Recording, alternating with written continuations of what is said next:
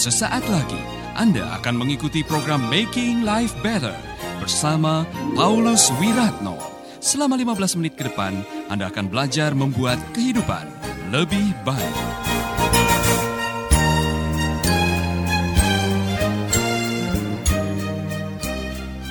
Kalau ditanya waktu masih kecil, nak, kalau besar mau jadi apa? Coba jawabannya apa coba? Dokter, ya kan? Pilot, pramugari, dokter gigi, pemulung. Masih ingat lagunya Susan? Susan, Susan, Susan, kalau gede mau jadi apa? Aku kepingin pinter, biar jadi dokter. Setelah jadi dokter mau apa? Setelah memegang sertifikat dokter mau apa? Setelah dapat gelar STH mau apa? Setelah punya gelar insinyur mau apa? Saudara-saudara, ada orang-orang yang salah mendefinisikan sukses sehingga setelah mencapai apa yang dianggapnya sukses masih bingung mau diapakan sukses ini. Maka benarlah apa yang pernah dikatakan oleh Pak John Maxwell, orang yang sukses masih ingat adalah orang yang menemukan tujuan hidupnya, memaksimalkan potensi hidupnya, dan menebar kebaikan sepanjang hidupnya. Saya diberkati oleh seorang pengkhotbah yang mengatakan, Allah mau kita menjadi orang yang sukses. Dan dia memberikan segala macam resource supaya kita menjadi sukses. Sebab sukses Anda adalah reputasi Allah. Sukses Anda mengganggu reputasi Allah. Dan demi menggaransi sukses, Allah memberikan hukum. Law.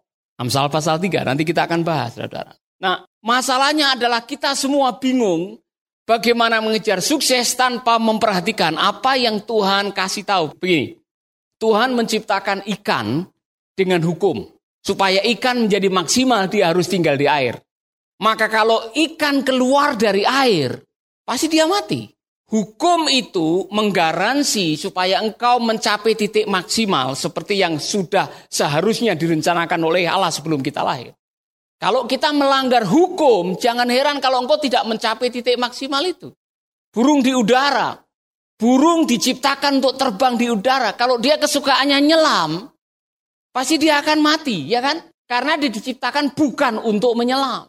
Jadi Cara terbaik untuk kita menjadi maksimal adalah ikutilah hukum yang Tuhan sudah beritahu karena hukum itu menggaransi engkau mencapai titik maksimal. Mari kita baca Amsal pasal 3. Ini menjadi pewahyuan buat saya dalam beberapa hari ini saudara-saudara. Amsal pasal 3 menolong kita menggaransi dan ini berlaku buat kita semua. Saudara, teman-teman hamba Tuhan, pengusaha dan sebagainya, tolong perhatikan. Ini sebetulnya yang Tuhan kasih tahu adalah cara atau bagaimana kita meraih sukses dalam kacamata Tuhan. Hai anakku, janganlah engkau melupakan ajaranku. Dan biarlah hatimu memelihara perintahku. Lo, ini hukum, ini manualnya.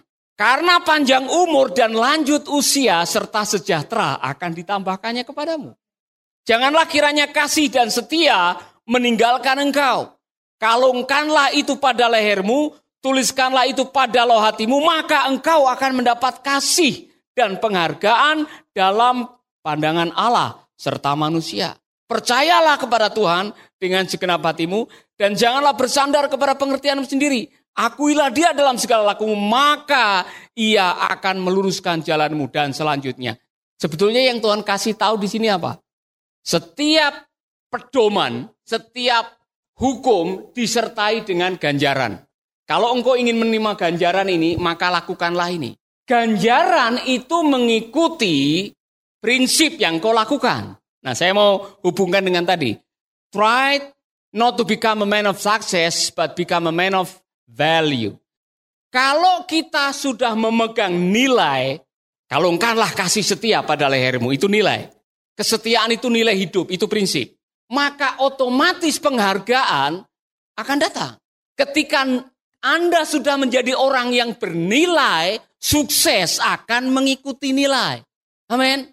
Gini, saya baru membaca, ada seorang yang pengusaha namanya Michael Zuk, yang dia pernah membeli gigi berlubang milik John Lennon dihargai 32 juta. Saya mau tanya, gigimu yang berlubang yang dicabut dokter dihargai berapa? dibuang. Kenapa gigi berlubang milik John Lennon dihargai 32 juta dan gigimu dibuang dan tidak ada yang mau? Yang membedakan apanya? Pemiliknya. Saudara-saudara, saya baru membaca kalau David Beckham dihargai 37,5 juta, 5 eh, juta pound sterling waktu transfer ke sebuah klub di Inggris. Itu triliunan. Berapa nilaimu dalam satu jam ditentukan oleh nilai apa yang sudah Tuhan berikan dalam kehidupan saudara. Maksudnya begini, saya mau kasih tahu ini sebetulnya yang namanya ini barang ini, ini plastik sama kulit tiruan. Dan saudara bisa menemukan di pasar. Satu meter barangkali harganya hanya 15 ribu atau 100 ribu. Tapi kalau sudah di tangan orang yang punya kreativitas, ini bisa harga 500 ribu. Jadi yang penting bagi kita sekarang supaya kita punya nilai, saudara harus tahu apa yang paling menonjol yang bisa memberikan dampak positif dalam hidup saudara. Nah ini saudara-saudara. Kalau kita dihargai satu bulan 5 juta, sedangkan David Beckham itu bisa triliunan, yang membedakan apanya? Sama kita punya waktu sama-sama 24 jam, satu hari satu malam. Ya kan? Kita sama-sama manusia roh tubuh dan jiwa. Yang membuat beda apa? Ada sesuatu yang berbeda di dalam diri David Beckham dengan kita berbeda. Apa yang membuat beda adalah karena David Beckham sudah mengasah karunianya sehingga karunianya itu mendatangkan nilai. Anda masih bersama Paulus Wiratno di Making Life Better. Jadi saudara ingin menjadi orang yang benar-benar dibanjiri rezeki, Kembangkanlah bakat yang Tuhan berikan dengan sungguh-sungguh. Karena waktu bakatmu menjadi berkembang dan menjadi berkat bagi banyak orang, orang akan menghargai atau menilai apa yang kau miliki. Amin. Jadi jangan tersinggung kalau ada orang mengatakan sumber utama penyebab kemiskinan bukan duit, bukan karena kekurangan duit, bukan karena kekurangan resource. Yang membuat kita miskin ialah kekurangan kreativitas, malas. Dan orang malas sudah digambarkan oleh Alkitab. Bangun lagi, tidur lagi. Bangun lagi, tidur lagi. Besok miskin. Oke, saya kembali kepada tadi. Setiap kita sudah diberi karunia oleh Tuhan. Setiap kita dalam ruangan ini, siapa pun saudara, dari mana pun asal saudara, Mungkin saudara merasa dari kampung, dari udik tidak punya apa-apa. Kita sudah punya deposit yang Tuhan tanamkan dalam diri kita. Persoalannya adalah bagaimana Anda memelihara deposit yang Tuhan berikan itu. Mau dibiarkan, mau dikubur seperti yang malas dan jahat itu, atau mau dikembangkan. Terserah saudara. Akhir hidupmu mau seperti apa tergantung Anda. Jadi begini, selama ini kalau ada orang miskin kita salahkan iblis. Ini karena di sini daerahnya terkutuk, kita banyak hal-hal ada kuasa jahat di sini, di, dibuat kita jadi miskin di sini. Saudara-saudara, yang membuat Anda miskin bukan karena iblis. Ya kan? Kayak lagi, kasihan iblis.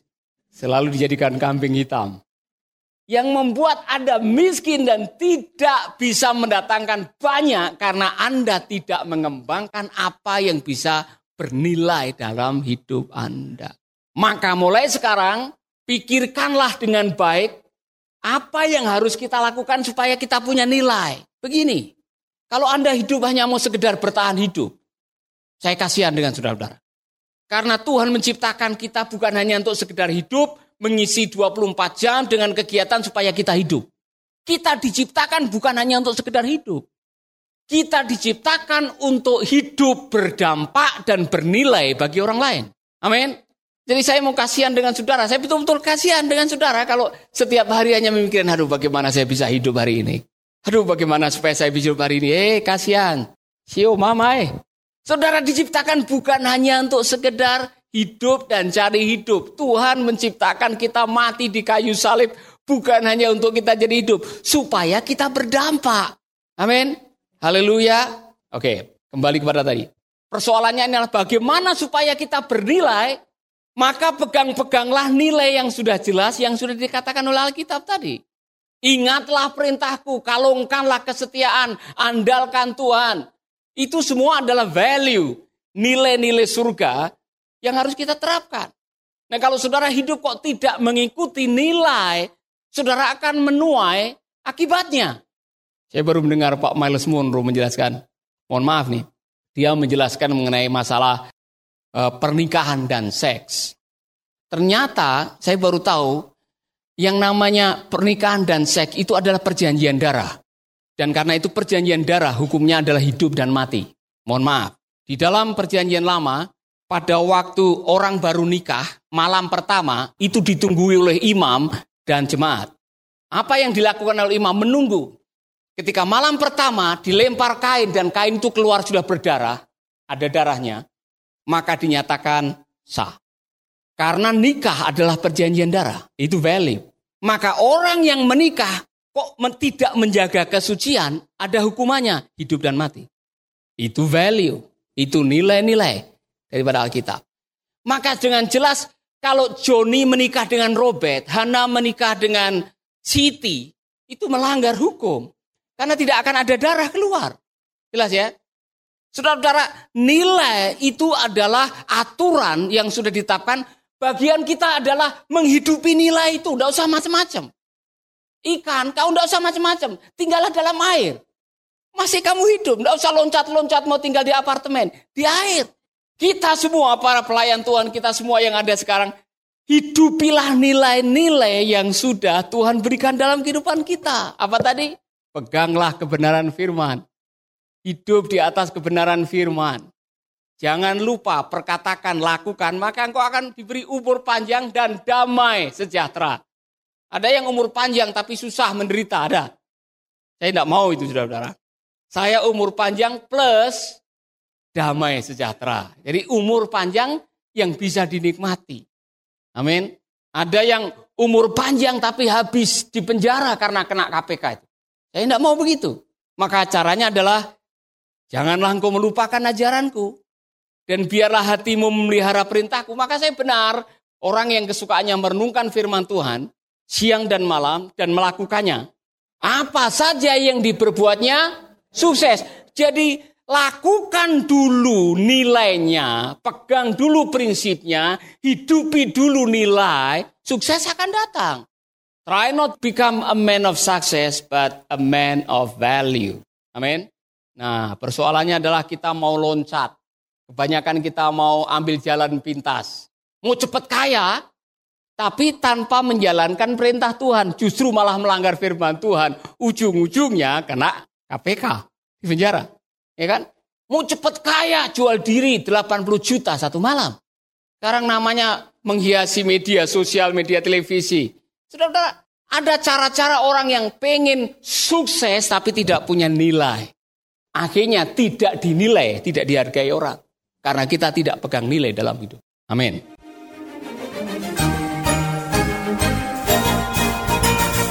Baru saja Anda mendengarkan Making Life Better bersama Paulus Wiratno. Jika Anda diberkati, kirimkan kesaksian Anda ke Radio Dian Mandiri Jalan Intan LC2 Gang 4 Nomor 1 Denpasar, Bali.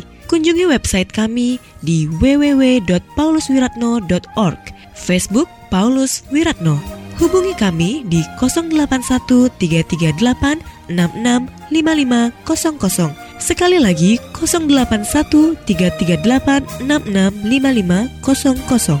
Terima kasih, Tuhan memberkati.